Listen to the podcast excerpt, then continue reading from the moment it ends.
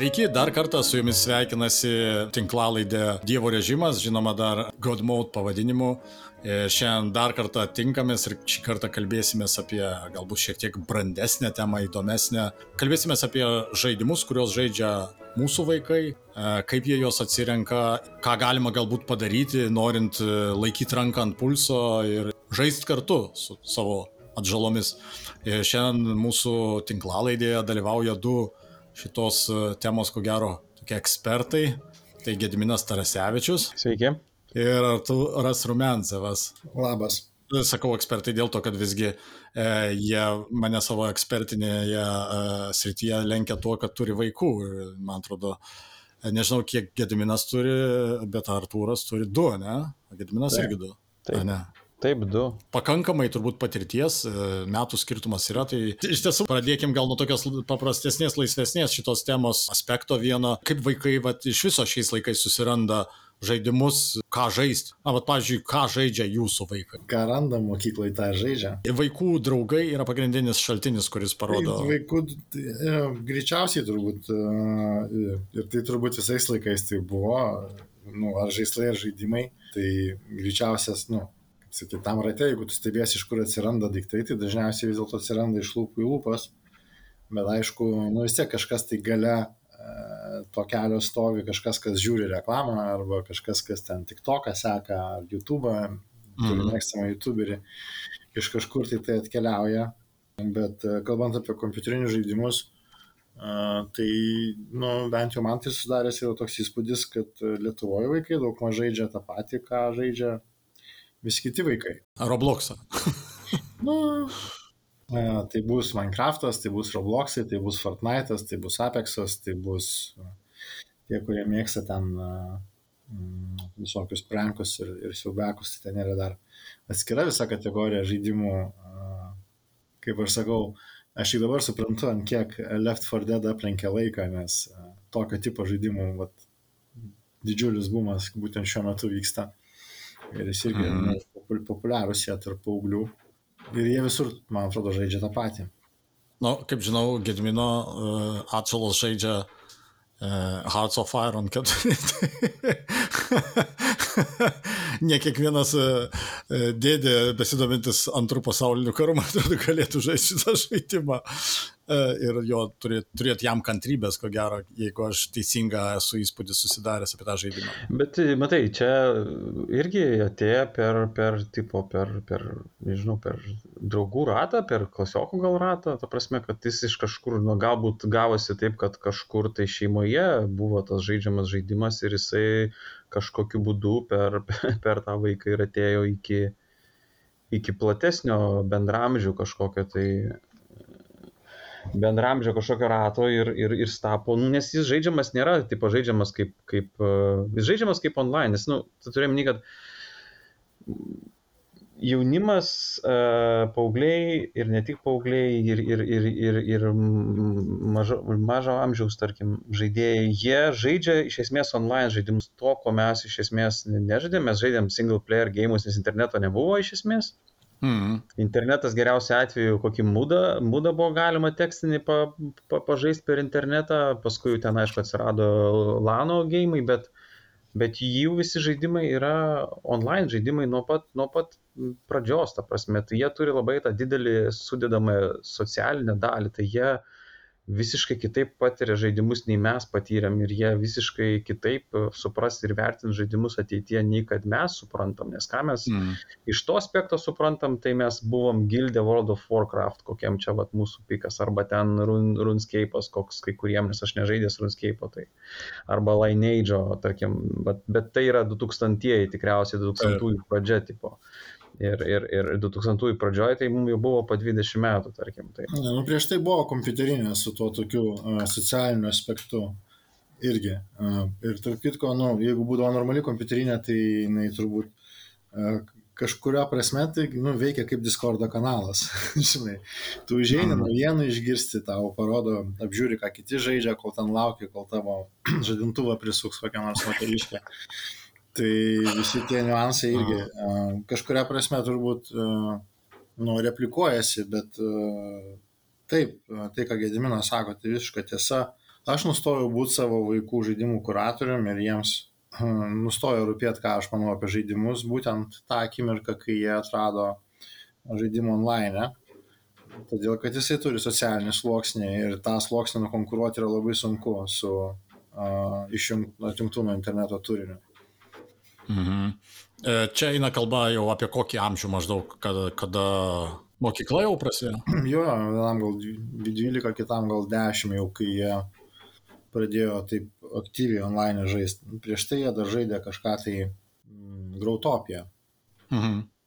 Tai buvo viena išimtis, aš draudžiau tiesiog tą online žaidimą ir tiek.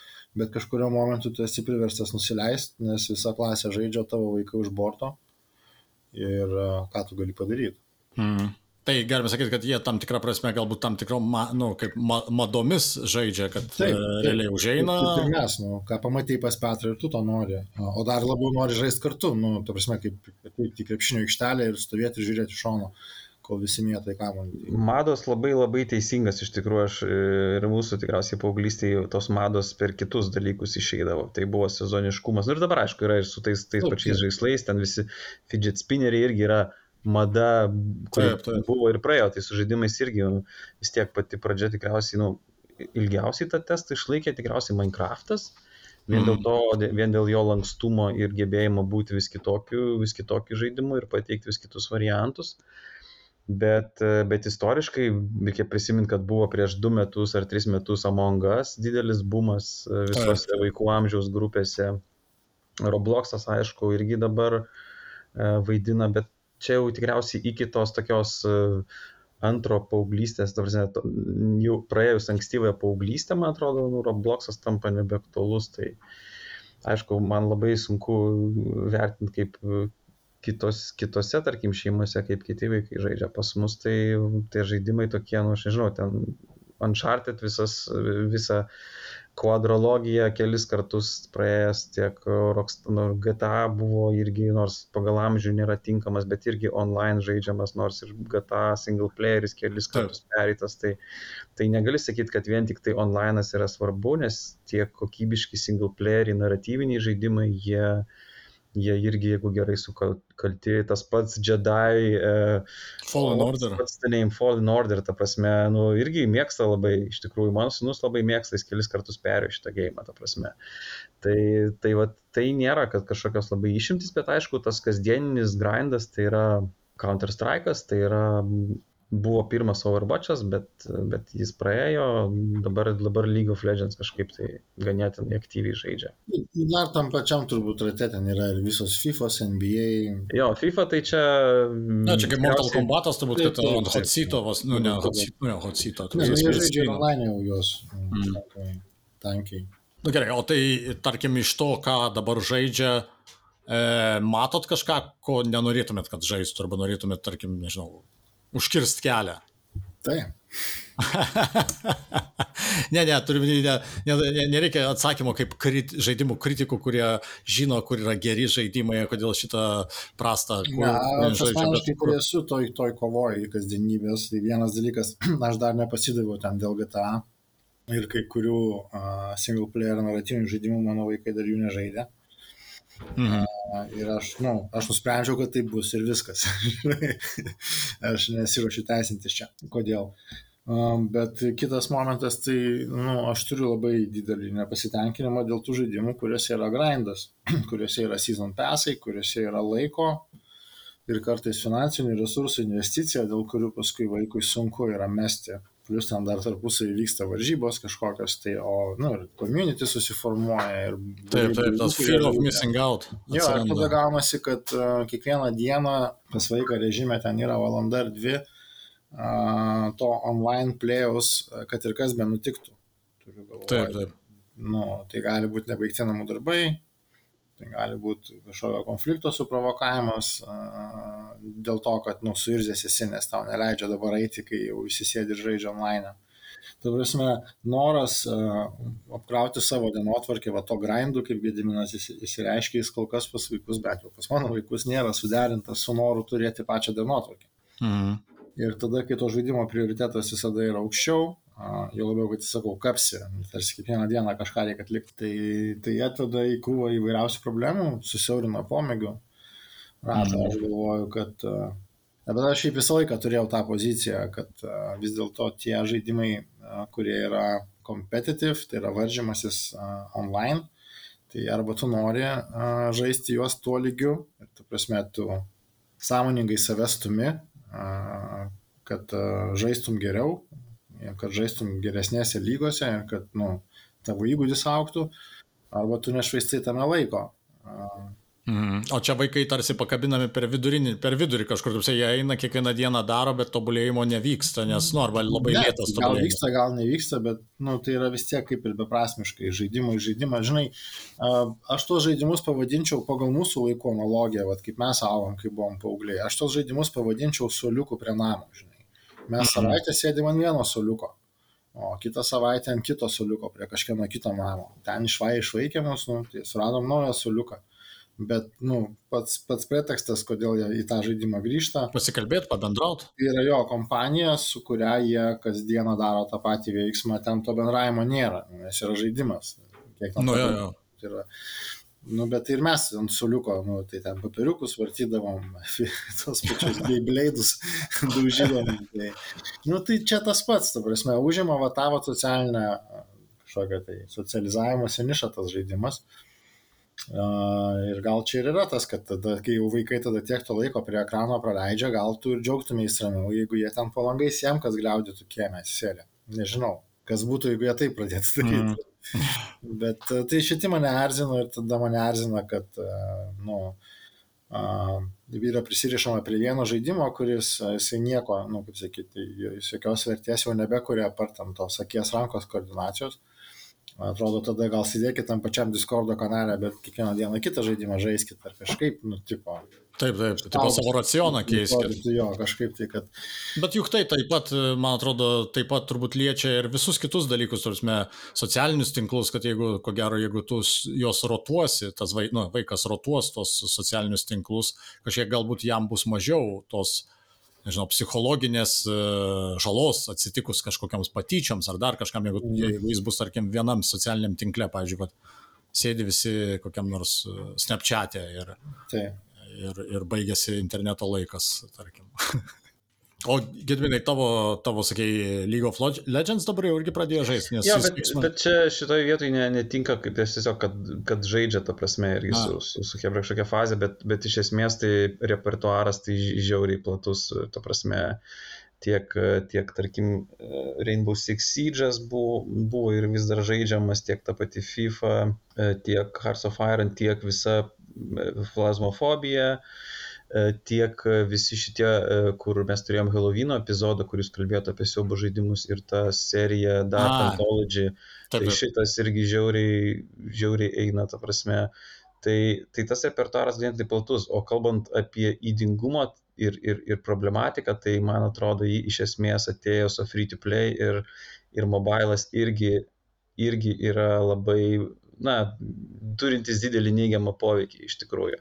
Mm. Nes mano tokia asmeninė nuomonė, kad tie žaidimai, kurie yra premium, e, jie iš esmės problemų didelių neturėtų sukelti ir nesukelia. Tie žaidimai, kurie yra free to play ir kaip Artūras minėjo, kad e, skillas yra Uh, skilas yra, tas skilo reikalavimas yra toks įsivaizduojamas, nes yra krūvos mechanizmų ir krūvos uh, psichologinių, psichologinių metodų, kurie, kurie į, į, imituoja arba sukuria viziją ypač jaunam protui, kad progresas yra daromas ir, ir kartu pridedant visas tas piktybinės arba na, manipuliatyvės mechanikas, kurios yra free to play. Tai, pavyzdžiui, man atrodo, kas, kas jau Lietuvoje viešoje erdvėje, mačiau, kyla, tai tas pats Genshin Impact, tarkim, mobile žaidimas, kuris yra toks spalvingas, kokybiškas mobile RPG, bet, bet tai, kad jis pagal savo turinį yra, nu, pagal amžių jisai nėra kažkoks labai, na, ribo, ribotinas, bet jo mechanikos yra žiauriai, žiauriai įtraukios ir, ir, ir, ir, ir tikrai mažo amžiaus vaikui tai nėra nėra geras žaidimas, nepaisant to, kad jis gerai atrodo, kad jis yra kokybiškas, kad jis tikrai ten duoda pramogą, bet jo metodai, jo biznio modelis yra Mhm. tai, kas yra blogai jame. Ir Aš kiek esu prisilietęs, man toks vaizdas yra, kad jisai yra, kaip atrodo, kaip, e, kaip jame turėtų būti lootboxai, bet jų nėra tenais. Ar bent jau gal aš jų nesusidūriau. jame Arba yra yra tiesiog nemok. lootboxai, jame Jo, bet jie- lootboxai. Bet ne už pinigus, ar yra ir už pinigus. Tuose turminį, iš kur jie monetizuoja savo tą. kūrinį? Jie turi kelių pakopų valiutos sistemą. Tai reiškia, kad už pinigus tu perki kažkokią tai objektą, kurį konvertuoji į kitą objektą ir tu leidi tą objektą, kad gautum lootboxą, kuris turi ten, nežinau, 5 ar 2 procentų tikimybę, kad gausi ten tokį labai kietą herojų.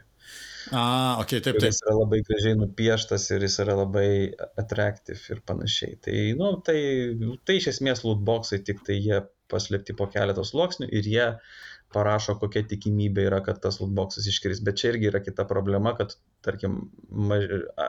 to amžiaus vaikai, kurie matematikoje dar nesusidūrė su statistika. Ir čia kalba eina tikriausiai net iki kokių, nežinau, 16 metų arba 14 metų. Tai nežinau, mano sunus tai tikriausiai statistiką mokėsi iš FIFA Ultimate Team ir, ir, ir, ir kokios tikimybės, kad iškris e, tos ar tos futbolininko kortelės, ta prasme, ir mes skaičiuodavom, ta prasme, ką apsimoka, ką neapsimoka, žinai, pirkti iš soft currency.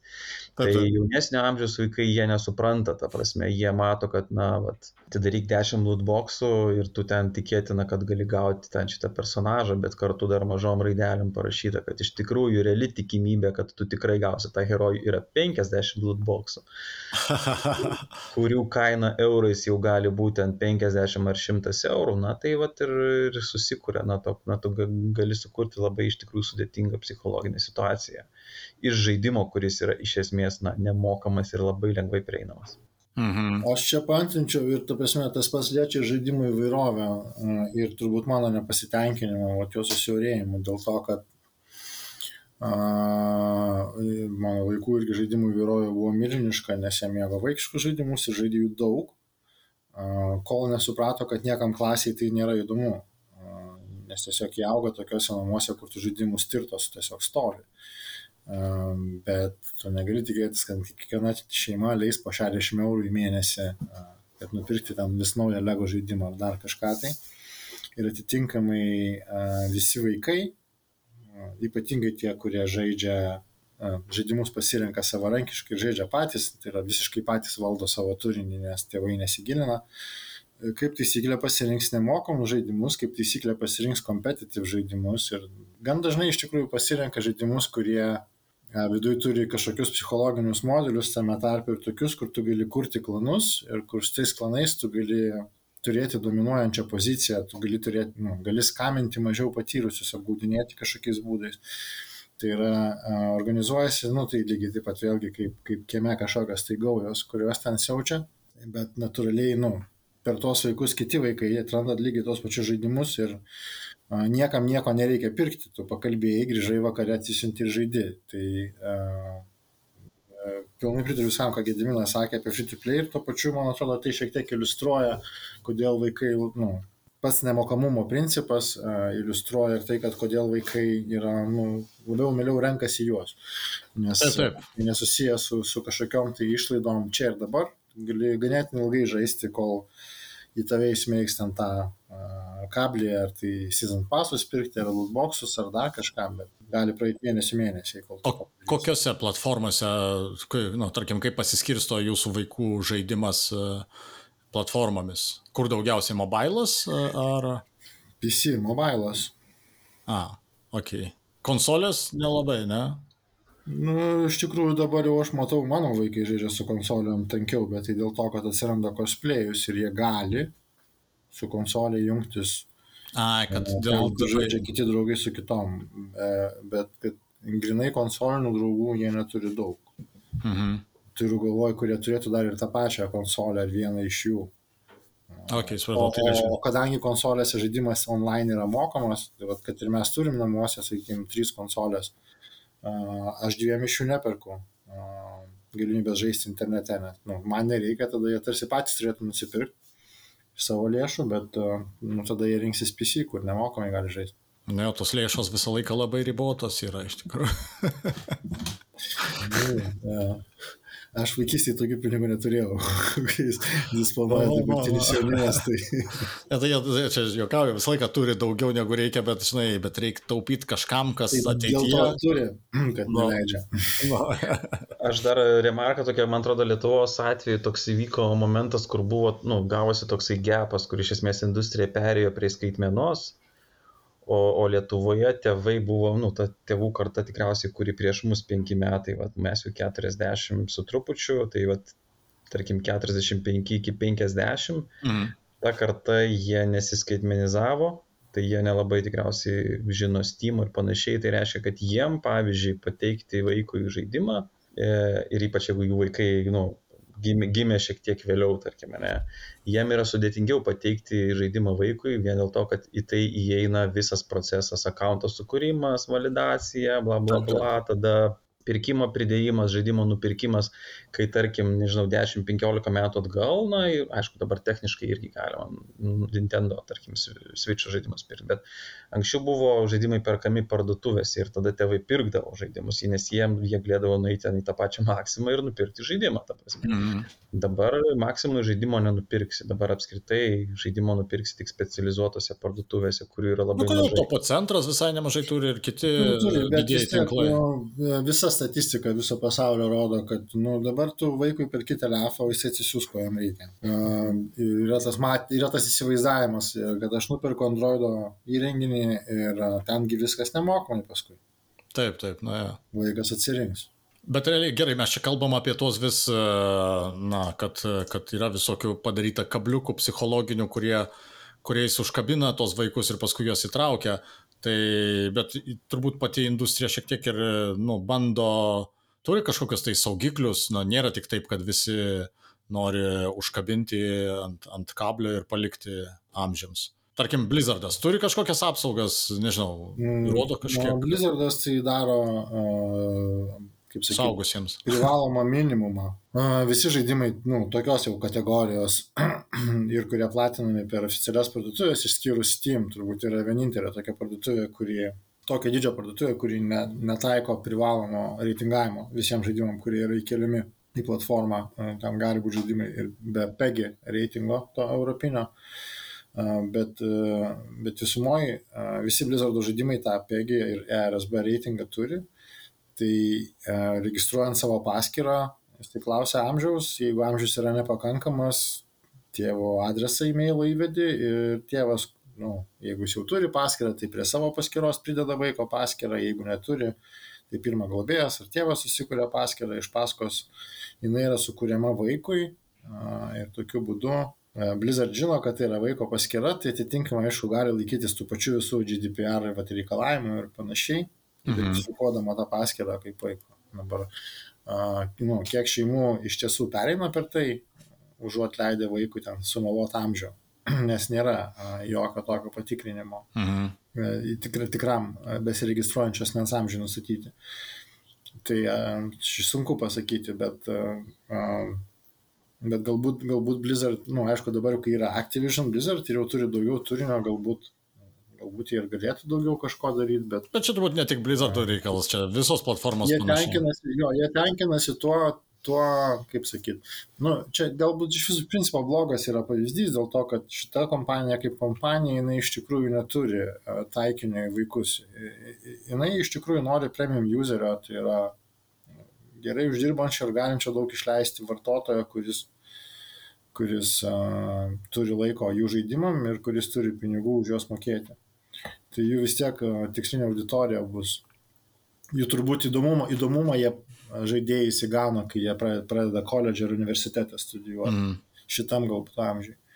Jaunesni vartotojai, aš nemanau, kad juos domina ir aš nesu matęs, jeigu atvirai kažkokio tai, tarkim, kažkokių rinkodarinių veiksmų ar panašiai, kurie būtų nukreipti į, jaunesnę auditoriją. Mhm. Apart to, kad, nu, vaikai tai ten iš vyresnių brolių, seserų, iš, iš savo tėvų ir taip toliau, tai aišku, Blizzardo žaidimus pamato ir anksti atranda. Mes Diablo labai anksti pradėjom žaisti šituose namuose, bet Na gerai, to tai League of Legends ar ten Fortnite ar Player Unknown mm, Battlegrounds turi kažkokius uh, įrankius, uh, nu, pristabdyti vėlgi, ta pati taisyklė turbūt, bet vėlgi turbūt čia jau priklauso nuo to kaip atranda vaikas to žaidimus, bet realiai vienintelė platforma, ant kurios nėra galimybės nurodyti, kad tai yra vaiko naudojama platforma, yra asmeninis kompiuteris.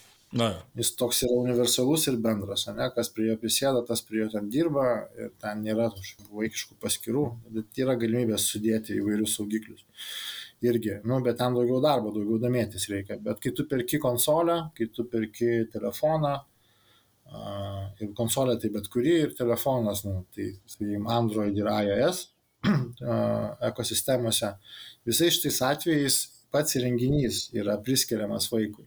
Nu, tėvai turėtų nepatingėti praeiti tą procedūrą ir, ir, ir užregistruoti tą įrenginį, suvesdami tikrąją vaiko gimimo datą. Uh, ir tada jau įrenginys yra pats save traktuoja kaip, kaip po tokį. Ir tos ekosistemos, ar tai būtų PlayStation ekosistema, ar tai būtų Apple, ar tai būtų Google, jinai atsižvelgdama į visas visus įstatymo, įstatymo visas raides, kurios skiriasi e, pagal teritoriją. Vat Europoje tai mūsų vaikus pagrindė dabar saugo vat, GDPRK nuo neteisėto informacijos rinkimo apie juos, tai yra apskritai yra draudžiama rinkti bet kokią informaciją apie vaikus iki 13 metų amžiaus. Jeigu ta platforma žino, kad tai vaikas. Tai, tai kaip ir sakau, tėvai turėtų praeiti šitą, e, tai yra labai lengvas procesas, tai užregistruoti savo vaikų telefonus, nurodydami jų tikrąją datą. Taip, nes tada jis automatiškai pasidaro vaiko įrenginiu ir, ir jam taikomi, jam kitaip rodoma reklama, iš jo kitaip įmamas atgalinis ryšys Ir tas pas liečia žaidimus, jie parduotuvėje atfiltruojami yra, vaikas jų nemato. Turinio. Tai kuris... ko gero ir socialinių tinklų neturėtų matyti. A, nu, socialiniai tinklai lygiai tas pats. Kurie iki 13 metų. Facebook arba Messengerį tu nesumelavęs to nepadarysi, dėl to, kad Facebookas arba Facebook Messengeris kaip pavyzdys, jisai apskritai tokios teisės nesuteikia. Nu, turėti tėvo ir vaiko akantą. Tai su tėvo žinia jis vis tiek neleis vaikui naudotis. Mhm. Turi meluoti tu turi sumeluoti gimimo datą, kitaip tu neužregistruosi paskiros. Tai va, bet, bet nu, kalbant per žaidimų prizmę, tai jie turi va tos du pjūvius. Tai vienas pjūvis yra, nu, tai yra vaiko pažeidžiamumas, tai yra jo socialiniai kontaktai, galimybės rinkti jo informaciją ir taip toliau. Tai vienas kampas, o kitas kampas yra va, tai, ką aš nekėjau apie lootboxus, tai aš nežinau, kiek ten, kiek jau šiai akimirkai yra įstatymai ten priimti ir įsigalioja ar ne, bet irgi yra nu, nu, numatyta tvarka, kad ten, tarkim, žaidimams, kurie skirti vaikams ir šeimai, lootboxų būti negali. Mhm. Iš principo. Ir, ir nu, jeigu, pavyzdžiui, žiūrėti, kaip Google'as ir Apple nu, šitą problemą sprendė nu, kitų lygmenių, kai jie turėjo įdėti tam tikrus apribojimus, kas leidžiama ir kas draudžiama žaidimuose skirtuose vaikams ir šeimai. Va šiuo atveju platformų savininkai netgi ėmėsi tokios, sakyčiau, proaktyvios veiklos. Tai yra, jeigu jie identifikuoja tavo žaidimą, kurį tu sukūrėjai 20 mečiam, e, kad ir kokį nors Candy Crush sagą, ne? Taip. Kurį tu tarsi sukūrėjai e, suaugusiam žmonėm ir, ir pagrindiniai tavo žaidėjai realiai yra suaugę žmonės. Uh, bet dėl to, kokios jame yra temos, muzikėlė, kokie yra piešiniai, Google'as gali nuspręsti, kad tavo žaidimas vis dėlto gali būti patrauklus vaikui, kuris jį pamatys. Ir dėl tos priežasties jisai reikalauja, kad tu registruotumėsi į tą Family programą ir laikytumėsi tam supaprastintų, bet vis dėlto tam tikrų taisyklių. Dėl to, mm. kas leistina ir kas neleistina žaidimams, vaikams ir šeimai žaidimas. Arba kitu atveju tu turi, kaip sakyt, nepaisant to, kad, nu, ką kai kurie kurie ir daro, įdėti, kad kažkas kažkur kažkam trenkia per žandą ir ten kraujas ištryšta. Tada iš karto ant 16, žinai. Bet ir kaip vaiškai betrodytum. Jo, o tai bendrai paėmus, va, pavyzdžiui, jūs e, jaučiatės saugus dėl, uh, nu, turminį saugus, čia gal toks uh, stiprus žodis, bet turminį, nu, čia, ramiai jaučiatės dėl savo vaikų raciono, tarkim, žaidimų pasaulyje. Ir taip ir ne, turbūt. Man didesnė grėsmė man vis tiek yra socialiniai tinklai, ne, ne, ne žaidimai. Vienareikšmiškai šito vietoje. Prasme, jeigu socialinių tinklų nebūtų, tai, žinai, grėsmės būtų labai tokios ribotos, ta prasme. Nes, nu, vaikas neturi piniginės, nebent, žinai, kaip buvo, yra pavyzdžių, kur vaikai nufyrina kortelę ir, tyliai, tyliai iš, iš tėvų kortelės byra pinigai į, į free to play žaidimą, kokia subscriptionas ar battle passas, ta prasme, bet, bet socialiniai tinklai turi didesnį poveikį, nes ten truputį kitos taisyklės, tiksliau, ten taisyklių nelabai yra visiškai. Aš pantryčiau, kad iš mano pusės irgi žiūrint, aš turbūt daugiau sukau galvą ir nervinausi dėl to, ką jie žaidžia iki socialinių tinklų exposure, turi, kai jie, tarsi, vienai par kitaip, nepaisant visų pastangų, pradėjo juos naudoti viena ar kita forma. Ir šitas short video formato įsigalėjimas. A, čia tik tokai ir visi. Tai yra tik tokai, bet, nu, ta prasme, yra absoliučiai kiekvienoje platformoje dabar taip, analogas to. Ir tai yra absoliučiai visas laisvas vaiko laikas. Ir tai yra tokia dopamino bačka, nuo kurios jie negali nulipti. Tiesiog. Tai, e, tai jeigu taip žiūrėti, tai aš dėl žaidimo absoliučiai ramus ir saugus jaučiuosi. Bet, e, bet jeigu, jo. Bet aš tai, nu, turiu tam tikrų Aš nerimauju beveik visada, kai aš nesuprantu, kas vyksta, turbūt taip reiktų įsireikšti. Vat aš turėjau tokių niuansų ten su to pačiu Grautopė ir su kitais žaidimais, su kuriuo aš pats nebuvau žaidęs ir man buvo neaiškios schemos ir jų užsiemimai, nei kas, nei su kuo jie ką veikia vidui. Ir kai jų pačių paklausi, irgi atsakymai gal nėra labai, čia pasakyti, nuoširdus. Mm. Finale pradedi mojuoti to Banhameriu ir tiesiog drausti kažką kažkur, kur, kur tau kyla įtarimų. Bet visumoji, nu, kadangi pats pradirbau kelis metus būtent vaikiškam segmentė su vaikiškais žaidimais, mane labai ramina tai, kad iš tiesų platformų pusėje yra atlikti visi darbai, kuriuos reikia atlikti, kad tėvų pusėje irgi nu, skirias nežinau, maksimum valandą ten dėgymo procese e, visų renginių, kuriuos tu turi namie ir kuriuos, kuriais leisi naudoti savo vaikui. Tu gali sudėlioti saugiklius, atriboti jį nuo, nuo nepageidaujamo turinio, atfiltruoti turinį pagal amžių, susidėti sistemą, kaip bus daromos išimtys. Visa tai yra gatavi, paruošti įrankiai tokiam vartojimui, kai nu, viskas yra vieno mygtuko paspaudimu. Taip, taip. Ir... Taip, ne, taip, nežinai, ir viskas. Tai uh, Tai va tie dalykai mane ramina šiek tiek, nes e, aš gaunu laiškus, kai, kai vaikai instaliuoja kažką į savo įrenginius, tiesiog su pavadinimais, kas buvo įrašyta, tai aš žinau, kad aš galiu paklausti, kai grįžtamo, kam, kodėl. E, tai visumoje aš e, šitą prasme aš nepasakyčiau, kad aš matau. Industrija šitą prasme atrodo suinteresuota saugoti vaikus ir aš galvoju, kad tas e, kai aš sakau industrija, tai šiuo atveju kalbu labiau apie gamintojus, tai yra platformų kuriejus, priekyvečių, renginių ir taip toliau. Kai kalbam apie žaidimų kuriejus, tai aš galvoju, kad ypač vėlgi mobile ir free to play segmente atsirado labai daug, nu, mes iš tikrųjų kaip industrija išgyvenam tą momentą, dažnai ginčiamės ir dėl to nesutarėm, bet uh, vis dėlto buvo etapas žaidimų industrijai, kai žaidimai buvo kuriami visų pirma iš paskatos kurti žaidimus ir žmonės ateidavo į tą industriją iš tos paskatos, o vėliau prioritetai keisdavosi kažkiek. O tam vat, free to play mobile eroj ir self-publishing, kai, kai visi kas nori gali savarankiškai išsileisti beveik be filtro savo produktus ir daug, daugybė parduotuvių juos paims ir jais prekiaus, atsirado daug žmonių, kurie atėjo į žaidimų industriją uždirbti pinigų.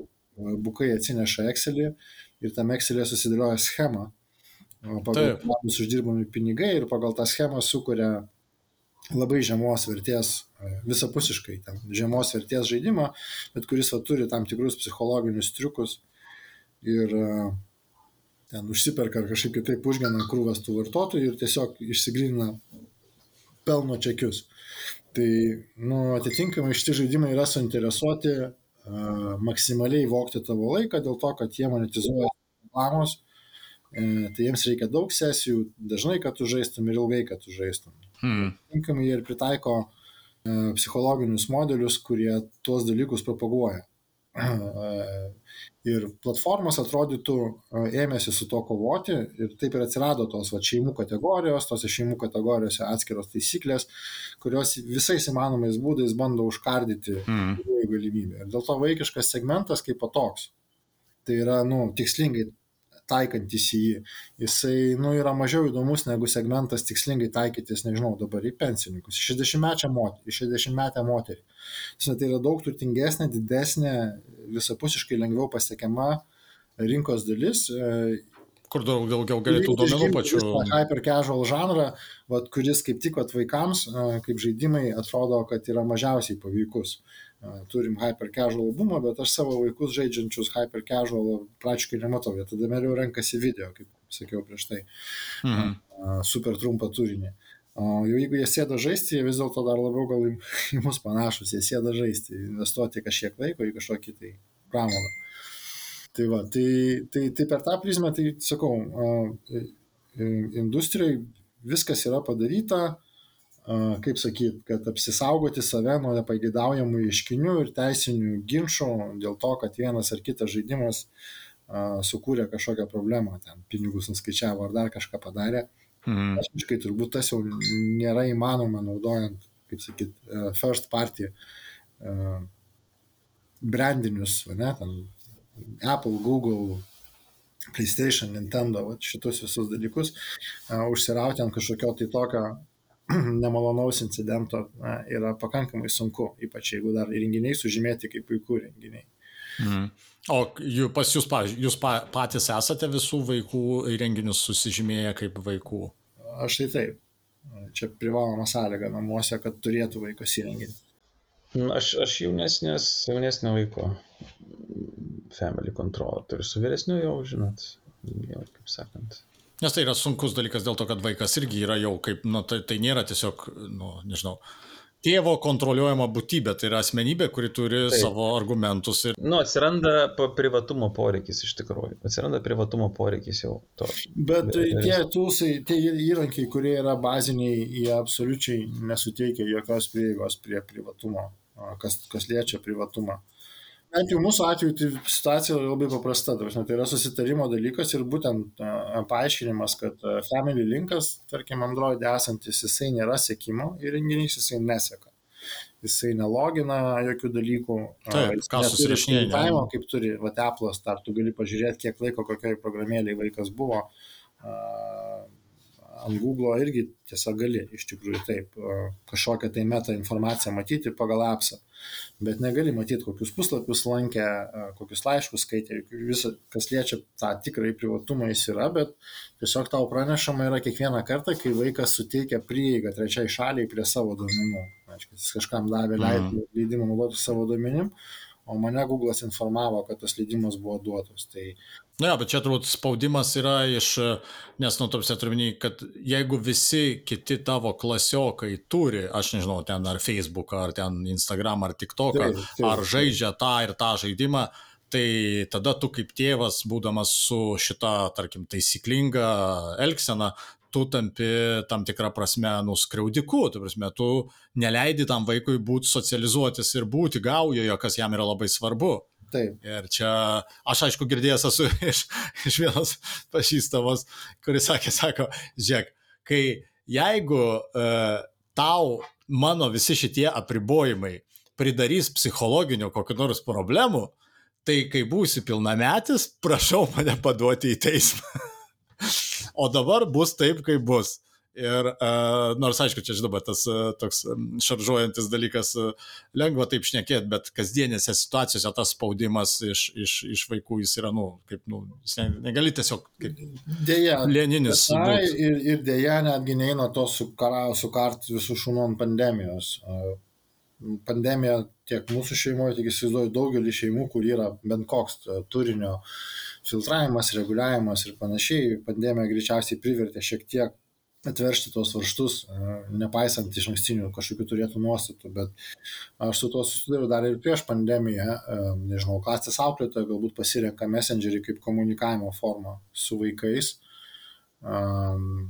kurių pusė jau tą messengerį turi, tai kitai pusė tiesiog sakoma, tai įsirašykit ir jūs, nu, nes taip, ten yra užklasinės veiklos kažkokia informacija skelbiama auklėtojos pačios. Ir vaikas grįžta namo ir tu stoji prieš tą akistatą ar eiti aiškinti su mokytoju, E, dėl to messengerio naudojimo ir versti juos ieškoti kito komunikacijos kanalo, jeigu toks reikalingas, ar tiesiog leisti įsirašyti jį. Tai kiekvienu atveju irgi by case tą sprendimą priimi. Bet šitoje vietoje, nu, tai aš tai irgi, aš tengiuosi visą laiką vadovauti sveikų protų. Sveikas protas man sako, kad, nu, jeigu 80 procentų klasiokų tėvų problemos nemato, tai aš jau savo kaprizais nieko nebepakeisiu. Mm. Tiesiog, prasme, aš čia šitoje vietoje turiu nusileisti ir ko gero, ir nežinau, va, kalbėti podcast'e, kad tai būt neturėtų. Ta prasme, užrašyti ant daikto N13, ta prasme, šitas pats, kas cigaretės duot vaikui. Nu, tipo, nueit, va, ryte prieš pamokas šeštokui nupirkti pačioką cigarečių, kartu vieną parūkyti ir paskui jį paleisti to pakeliu į mokyklą. Lygiai tas pats tarsi turėtų būti, nu, tu įrašinėjai programinį įrangą ir tau rašo, kad čia ne vaikams. Bet uh, žmonėsgi neskaito, ką rašo. Na, no, taip, taip, čia. Accept, bet... accept, viskas. jo, bet aišku, čia, žinoma, mes acceptinam dažniausiai tie terms and conditions būna ant tiek didelės, kad, kad ten nieks, nu, tuo metu, kai jos atsirado, jos būdavo visą laiką labai apkrautos ir nieks jų neskaitydavo, O dabar galiausiai jau yra įprotis pasidaręs, kad tiesiog tu installini ir nieko neskaitai. Ne, tai taip, bet tai tada tu suvedi, nežinau, vaiko datą gimimo ir tau sako, ne, nu, tas tai paskiros. Ir tada tu tiesiog užmeti 10 metų ir atiduodi jam įrenginį. Tai, nu kaip sakyti, toj vietoj tu užkoduoji potencialiai kažkokią problemą. E, galbūt kitur, nu aš visą laiką tuos draudimus ar suvaržymus aš juos lydžiu susitarimais. Nu, mes visų pirma tai susitarėm, ką mes darysim ir ko mes nedarysim. Ir, ir, ir aš kažkodėl esu kažkuria prasme pakankamai įsitikinęs, kad ir be tų priemonių pas mus tie susitarimai pakankamai veiktų. Bet kitur, nu, bet va ir mano vaikai auga ir darosi paaugliai ir, ir, ir tie susitarimai vis mažiau tvarus darosi ir, ir pradedi, pradedi norėti galbūt kažkokių papildomų įrankių irgi. Tai, tai nu, kiekvienoje šeimoje turbūt skirtingai visi tie dalykai vyksta, bet, absoliut, nu, bet bendraja prasme paėmus, visuomenės išprusimas ir visuomenės suvokimas visos skaitmeninės erdvės pas mus iš tikrųjų vis dar yra. Neandertaliečių lygyje. Nu, tarsi mes viso to dar neturėtume. Tarsi mes vis dar gyventume Jo, tipo, to interneto pradžios laikais, jo, nors aišku, ten irgi buvo visko, bet bet gal ten daugiau savireguliacijos gaudavosi, nes tiesiog buvo per mažai prieigos, dabar pilna yra. I, iš esmės, žaidžiat kad nors dar su vaikais savo? Beveik ne. Stalo, stalo žaidimus žaidžiam šiaip. Mm. Bet o... matot, aš, aš jau toj fazėje, kur anksčiau žaisdavau, dabar tiesiog galiu žiūrėti, kaip žaidžia Hearts of Iron 4, nes tiesiog aš, aš, ne, aš nesugebu žaisti Hearts of Iron 4. Bet iš vis kažkada žaidė, tamsia, nes aš atsimenu visą laiką anksčiau su Artojom, kai mes šnekėdavom, tai apie šitą problemą, tai visada būdavo tarsi toks išvada pasidarydavom pokalbio, kad reikia pabaigoje, kad geriausias būdas žinoti, kas vyksta, tai yra kartu būti, domėtis e, ir žaisti kartu tarpuse. Bet e, ar buvo tai tokie laikai? Taip, tai be abejo. Pas, pas mus, tu prasme, ypač tam vadinamam couch coop, tai yra, kai tu gali žaisti nu, ant sofos kartu, dviese, trise. Mes labai mėgom žaidimus, kur galėtume žaisti bent jau trise, mes tada galėtum žaisti kartu. Uh, bet didesnis kiekis žaidimų yra aišku dviem skirtų. Tai. Uh, tai, nu, tai taip natūraliai iš pradžių jau jie pradėjo tankiau dviese žaisti kartu. Uh, kol jo, neatsirado online'as ir neįsiskirsti visi į savo kambarius. Mm. Uh, bet iki tol tai mes pagrindė, nu, pas mus buvo toks posakis, kad nu, niekas nežaidžia vienas, nu, išskyrus mane, bet aš tai darydavau naktim, kai niekas nemato. tai dieną, jeigu kažkas sėda žaisti, dažniausiai sėdavom visi kartu. Taip bendrai paėmus, realiai, na, pavyzdžiui, vienas iš tų pagrindinių na, patarimų ir buvo tas, tarsi, naudotis tais įrankiais, kurie yra, jo lab, kad žinant, kad tos platformos šitos įrankius, nu, ne, ne, ne kaip ir, ne tai, kad iš labai geros valios da, rašė ir darė, tuose, jie vis tiek yra įpareigoti tam tikrų e, nu, aukščiau stovinčių struktūrų, valstybinių struktūrų, tai pačioj Junktinėse Amerikos valstijose, kur ten tas silicijos lėnis ir gimęs ir visą tą yra sukūręs.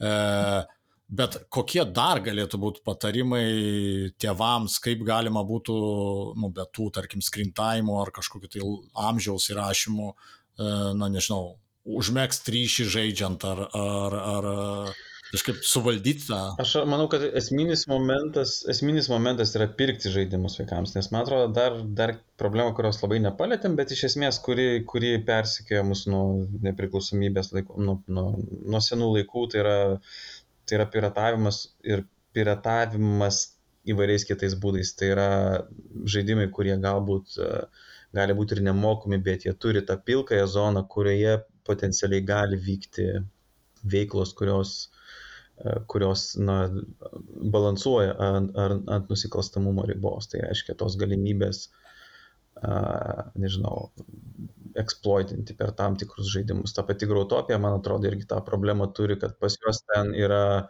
Na, yra ekonomika, kuri iš esmės yra, mm, na, tokia kaip šešėlinis ekonomikos metodai žaidimo, žaidimo ekonomikoje yra. Aha. Ir taip pat e, kiti žaidimai, kurie gali būti na, adaptuojami, modinami arba adap, na, pri, pritaikomi, e, kai, kai žaidimai yra formos, kurios, e, kuri pagal kuriejų suteiktą licenciją, jie jau yra modifikuoti ir jie jau pažeidžia na, to žaidimo uh, licenzijas ir, ir jie iš esmės yra nelegalioje formoje. Jie gali būti nemokami, bet jie gali būti nelegalioje formoje, kurioje yra papildomi dalykai, kurie gali sukurti. Nes pas Robloxas e, aušroje savo tikrai su, su tuo turėjo labai daug problemų ir na, būdavo atveju, kur na, tie Robloxo kurie jie išnaudodavo vaikus iš esmės e, tam, kad kurtų turinį arba darytų kažkokias užduotis. Ir, ir ta industrija, kuri subrendo, tie segmentai, kurie subrendo, automatiškai, kai tėvai moka pinigus, jie tada jaučia pareigą reikalauti kokybės. Ta prasme, pas mus Lietuvoje galbūt ne, bet vakarų pasaulyje uh, visi skandalai, kurie buvo susijęs su Robloxu, kurie buvo galbūt susiję su, su Fortnite'u, eilė kitų free-to-play žaidimų, uh, jie prieidavo iki to momento, kur, na, be penkių minučių bus teismas, ta prasme, ir tada žaidimų, kurie jie turėdavo imtis priemonių, sutvarkyti savo produktą, kad uh, jie taptų saugus. Bet jie juk nemokami, turminį tą nu, jie nemokami, bet, bet nesvarbu, kad jie yra nemokami, ta prasme, bet jeigu, na, Ai. na, ta pačiam Roblox'e, ne, kur buvo skandalas su, su kambariais, kur, kur, kur, kur imituojama, tarkim, lytiniai santykiai, tarkim, Roblox'o pasaulyje.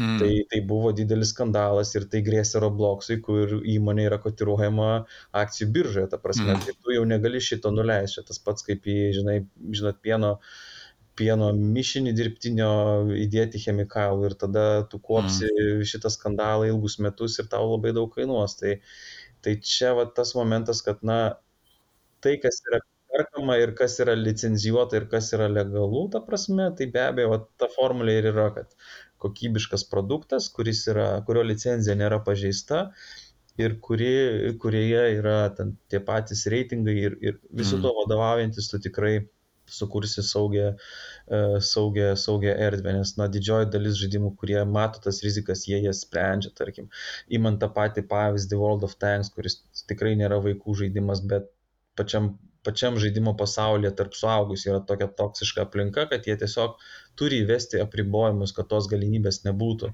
Ir tikriausiai va, tie žaidimai, kurie paremti sesijom, kur tu arba žaidi su savo artimais draugais, kur vėlgi, jeigu pasižiūrėsim istoriškai, atsirado labai daug mechanizmų, kas gali tapti tavo draugu to žaidimo socialinėme tinkle, lyginant su to, kas buvo anksčiau, kad tu tiesiog gauni invite ir viskas jūs draugai, nors ten vėl nežino, kas gali būti kitoje laido pusėje ir kur gali būti. tai va, dabar tas, tas procesas yra daug, daug sudėtingesnis, tai visi tie saugikliai, jie dedami, dedami, dedami ir su laiku bus ganėtinai saugu, bet sakau, yra ta kita dalis, pilkoji pusė, tai yra kai tėvai nekreipia dėmesio, kai yra siunčiami žaidimai, kai yra galbūt platformos, kurios kurios yra, na, tokios atviros, tai pavadinkim, ant to paties Androido gali tai būti artimam, gali parsisiųsti APK iš webo ir, ir turėti žaidimą, kuris visiškai bus nereguliuojamas, tarkim, Google. Uh, tai, tai, va, tai, mm. tai va, šitų aspektų reikia, reikia domėtis bent šituo. Tai yra tiesiog numesti, duoti ir nesidomėti, tai yra, na, tai yra Na, ir, ir paskui po viso šito kaltinti, kad žaidimų industrija yra kalta, na, tai yra toks, na, tokia demagogija ir, ir šiek tiek pro, propaganda. Šiaip iš tikrųjų čia turbūt jo tas svarbus aspektas, kad realiai e, net ir nemokamus žaidimus bendrai pačią tą sritį pradedi vertinti kitaip, jeigu tu įpranti pirkti, ta prasme turiuomenį, nes tu sumoki pinigus, kad ir už kažkokį konsolinį žaidimą, nusipirki jį žaidį, bet jau tada tu jį kitaip ir vartoji, ne tai, kad, apsime, kaip iš torintų parsisinti kažkokį ten vieną, kitą, trečią, ketvirtą, nesvarbu, ar tu esi tėvas ar vaikas, tą, tą darai, darai tą vat, tokį veiksmą, bet kai tu nusiperki, tu jį vartoji, tai tada tavyje pradeda gimti tas vadinamasis tokio turbūt vartotojo kliento e, samoningumas, kad reiškia, net jeigu aš paskui ir registruojuosi nemokamam žaidime ar kažkur tai, nežinau, kažkokiai platformai, aš jau turiu instinktą norėti kokybiško turinio. Uh, taip, nu, tu prasme, pas mus apskritai trūksta, kaip sakyt, uh, turinio vartojimo kultūros arba, nežinau, savo, savo laiko suvokimo, ne, kad tavo laikas jis irgi turi vertę. Ir, ir ten tų valandų paroj metuose ir tavo gyvenime yra kiek yra, jų ten nedapirksi ir, ir nedageneruosi. Ir švaistyti tą laiką kažkokiam, kaip aš sakau, subpar produktui yra kažkuria prasme nuodėmė, kai yra tiek kokybiško turinio. Bet vėlgi mes čia nu, kam kaip, kas atrodo kokybiška, kas nekokybiška, tai turbūt ir yra tiesiogiai susijęs su, su, su ar aš imu pramoginį turinį, kad man būtų linksma ir aš ten per daug nesigilinu, kas po ranka pakliuvo, tą ir imu, ar, ar aš kažkokį tai skonį ugdau, tai turbūt čia vis tiek yra nu, skirtingos žmonių kategorijos, skirtingi žmonės skirtingai mato tą, bet bet, bet kuriuo atveju kai mes netgi sakom, vat, kas yra saugu ir kas yra nesaugu, tai yra vienas dalykas tie tokie labai bendražmogiški dalykai, kur turbūt absoliučiai visi iki vieno sutartų, kad vat, tas yra saugu, tas nesaugu, ten nežinau, koks nors jo ryšys su nepažįstamais saugusiais žmonėmis, ne, nu, by default atrodytų, kad nu, tokia nesaugi veikla. Ten, nežinau, ten dar kažkokia tai, bet bet paskui tai yra dar tas vadinamas personal levelis, kuris jau galbūt labiau susijęs su paties žaidimo turiniu, žinai, kas kiekvienoje šeimoje yra saugu ir nesaugu, kokie vaizdiniai yra pageidaujami ir nepageidaujami šeimoje. Ir šitoj vietoj kartais ir reitingavimas nebūtinai išsprendžia, aš nežinau, ten kokiu nors labai LGBT didžiulių fobijų turinčioje šeimoje, nu, jie gali nustepti matydami turinį skirtą visiems su E raide pažymėta, bet kuriame bus tos temos nagrinėjamos, nes nu, toj šaly, kur žaidimas buvo sukurtas, tos temos jos nelaikomos nesaugios, kaip, nežinau, to žmogaus pasaulyje žiūrai. Ir tas pasliečia viską, siaubo tematiką, kažkokį mm. uh, užuominų ten į, į lytinius santykius tematiką e, ir kiti dalykai. Nu, ir perdėtą smurtą, pavyzdžiui, tavose, kurio... Perdėtas smurtas, taip. Kurio mes, man atrodo, žaidimuose net nelabai. Jo, ir kokia jo funkcija žaidime, nes, visme, aš, nu, žinai, bėgantis Mario ir nukrentantis į bedugnę ir ten išsitriškantis ar pašokantis ar tam tripantis grybą irgi galbūt yra kažkieno pasaulyje žiūrai smurtas kažkieno ne, tai irgi tas smurtas turi teisingai labai daug lygmenų.